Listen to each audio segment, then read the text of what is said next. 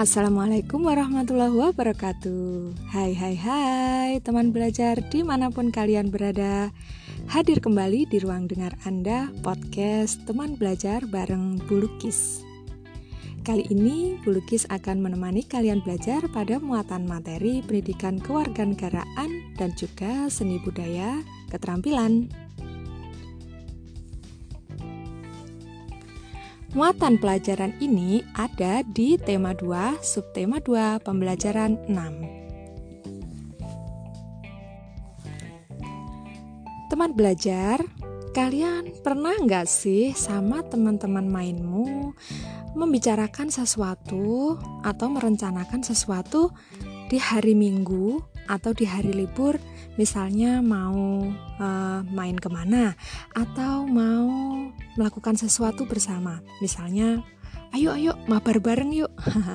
Atau mau mancing bareng atau mau berenang. Dan di antara teman-temanmu itu mungkin ada yang usul wah jangan ke sana jauh. Atau jangan ke sana uh, terlalu berbahaya. Misalnya seperti itu. Pernah tidak?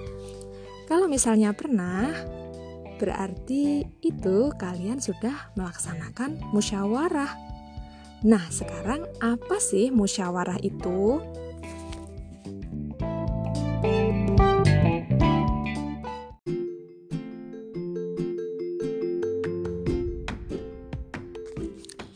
Teman belajar, musyawarah itu adalah pengambilan keputusan bersama untuk menyelesaikan masalah dengan maksud mencapai mufakat. Nah, mufakat itu sendiri artinya kesepakatan. Jadi, mufakat itu kesepakatan untuk melaksanakan hasil dari musyawarah itu.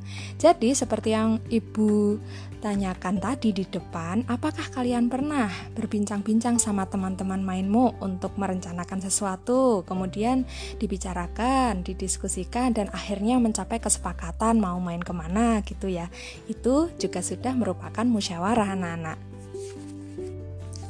Dan ketika kalian bermusyawarah, itu sesungguhnya di dalam kegiatan musyawarah kalian itu ada nilai-nilai yang terkandung. Yang pertama, nilai kebersamaan. Jadi namanya musyawarah itu pasti dilaksanakan lebih dari satu orang atau kelompok ya. Kemudian selanjutnya nilai kebebasan mengemukakan pendapat atau usul ya kan? Kemudian yang berikutnya adalah nilai menghargai pendapat orang lain. Jadi, ketika kalian melaksanakan musyawarah, bila ada temanmu yang memberikan usul atau pendapat, kalian harus menghargai, harus mendengarkan dulu. Jangan disangkal dulu.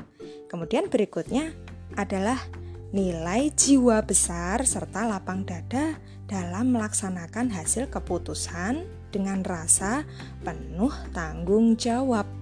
Jadi, setelah dicapai kesepakatan atau mufakat, itu maka semuanya harus lapang dada, e, menerima hasil keputusannya, menerima hasil mufakatnya, kemudian dilaksanakan dengan penuh rasa tanggung jawab. Dalam bermusyawarah, teman belajar semuanya harus tahu nih ciri-ciri musyawarah yang ada untuk mencapai mufakat. Apa saja ya ciri-cirinya? Ciri-cirinya yang pertama sesuai dengan kepentingan bersama. Berikutnya, ciri dari musyawarah untuk mencapai mufakat itu adalah usul atau pendapat yang disampaikan itu mudah dipahami atau tidak memberatkan. Kemudian, ciri musyawarah untuk mufakat yaitu dalam musyawarah, pertimbangan moral itu lebih diutamakan dan bersumber dari hati nurani yang jujur. Berikutnya, cirinya adalah pembicaraannya harus dapat diterima dengan akal sehat, ya, atau masuk akal dan sesuai dengan hati nurani. Nah, teman belajar, agar musyawarah itu bisa berjalan dengan lancar, kita harusnya mengikuti tata cara pelaksanaannya. Nah, sekarang apa saja ya tata cara pelaksanaan musyawarah itu? Yang pertama, peserta musyawarah harus hadir sebelum musyawarah dimulai. Ini dilaksanakan uh, untuk musyawarah yang lebih resmi begitu ya. Kemudian, musyawarah dimulai jika peserta musyawarah telah mencapai quorum atau kuota. Kemudian, dalam musyawarah itu ada susunan kepanitiaan yang minimal terdiri dari ketua, notulis. Notulis itu bisa disebut sekretaris dan peserta musyawarah tentunya. Kemudian, tata cara dan persyaratannya yaitu setiap peserta musyawarah berhak menyampaikan pendapat ya semuanya semuanya peserta musyawarah itu boleh menyampaikan usul atau pendapatnya Kemudian, setiap peserta musyawarah harus menghargai pendapat orang lain. Ini sesuai dengan ciri musyawarah tadi ya, harus menghargai pendapat orang lain. Berikutnya, pendapat yang disampaikan itu harus dapat diterima akal sehat, tidak untuk kepentingan pribadi atau golongan. Tidak menimbulkan perpecahan sesuai dengan norma dan tidak menyinggung perasaan orang lain. Bagaimana? Sudah jelas? Nah, sekarang ketika kalian menjadi peserta musyawarah, itu ingin menyampaikan pendapat atau ingin menyampaikan usul. Nah, bagaimana caranya? Tentunya ada cara-cara untuk atau ketika ingin menyampaikan pendapat. Nah, caranya bagaimana? Yang pertama, mengacungkan tangan sebagai tanda izin berbicara ya. Jadi kalau kalian uh, terlibat dalam suatu musyawarah, kemudian kalian ingin menyampaikan pendapat, itu tidak langsung uh, berbicara atau tidak langsung menyampaikan usulnya gitu, tapi yang pertama mengacungkan tangan dulu atau mengangkat tangan. Ya, itu sebagai tanda izin ingin menyampaikan pendapat atau ingin berbicara. Berikutnya, berbicara setelah dipersilahkan. Tadi kan ada panitianya ya. Jadi ketika kalian mengacungkan tangan ingin usul, itu kalau sudah dipersilahkan baru boleh berbicara, baru boleh menyampaikan pendapat. Kemudian yang selanjutnya, kalau ada yang sedang berbicara, maka kalian harus menunggu terlebih dahulu sampai pembicaraan tersebut selesai ya. Jadi jangan menyela. Jadi ketika kalian ingin berpendapat, tunggulah sampai yang lain selesai berbicara. Hmm. Selanjutnya, bersikap sopan, menggunakan kata-kata yang baik, kata-kata yang tidak menyinggung orang lain. Selanjutnya, suara cukup jelas ya ketika menyampaikan pendapat suara harus cukup jelas. Begitu anak-anak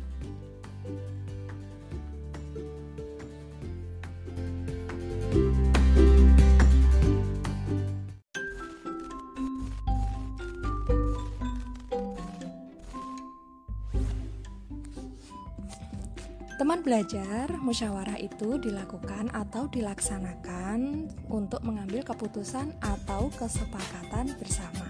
Tapi musyawarah itu juga bisa dilakukan sebelum kita melaksanakan satu kegiatan-kegiatan tertentu. Kegiatan misalnya kegiatan peragaan tari ya. Di sekolah-sekolah kalian uh, tentunya pasti pernah satu pementasan bisa pementasan musik, pementasan tari atau drama misalnya. Nah sekarang sebelum melaksanakan kegiatan besar seperti itu tentunya harus ada musyawarah terlebih dahulu supaya apa? Supaya lebih siap, supaya lebih matang dalam pelaksanaannya.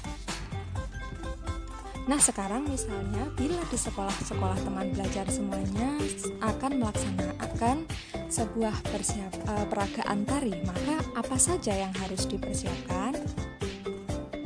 Tentunya yang harus dipersiapkan kalau dalam peragaan tari itu yang pertama menentukan bentuk karya tarinya. Menentukan bentuk karya tari itu maksudnya tari tunggal atau tari berpasangan atau tari kelompok. Kemudian menentukan jumlah penarinya.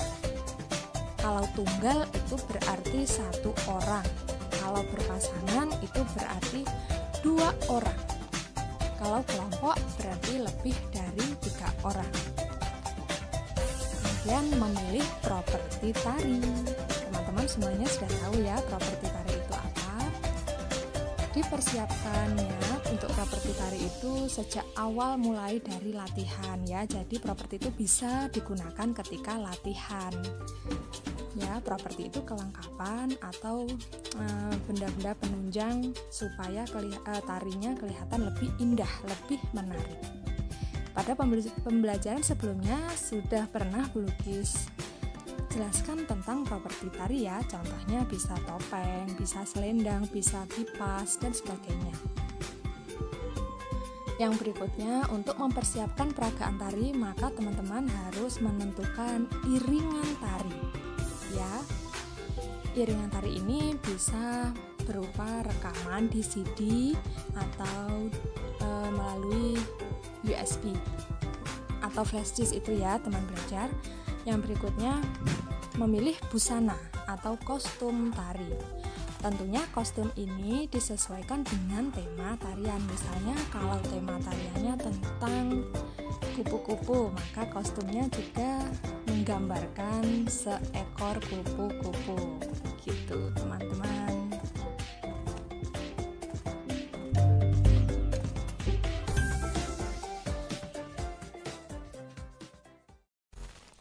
Nah, teman belajar, sekian dulu materi yang Bu Luki sampaikan pada episode kali ini.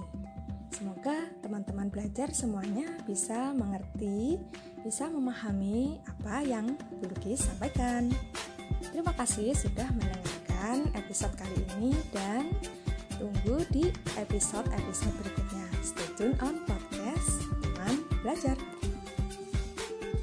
Belajar bersama teman, bersama kita cerdas, pintar, dan berprestasi. Bye-bye. Wassalamualaikum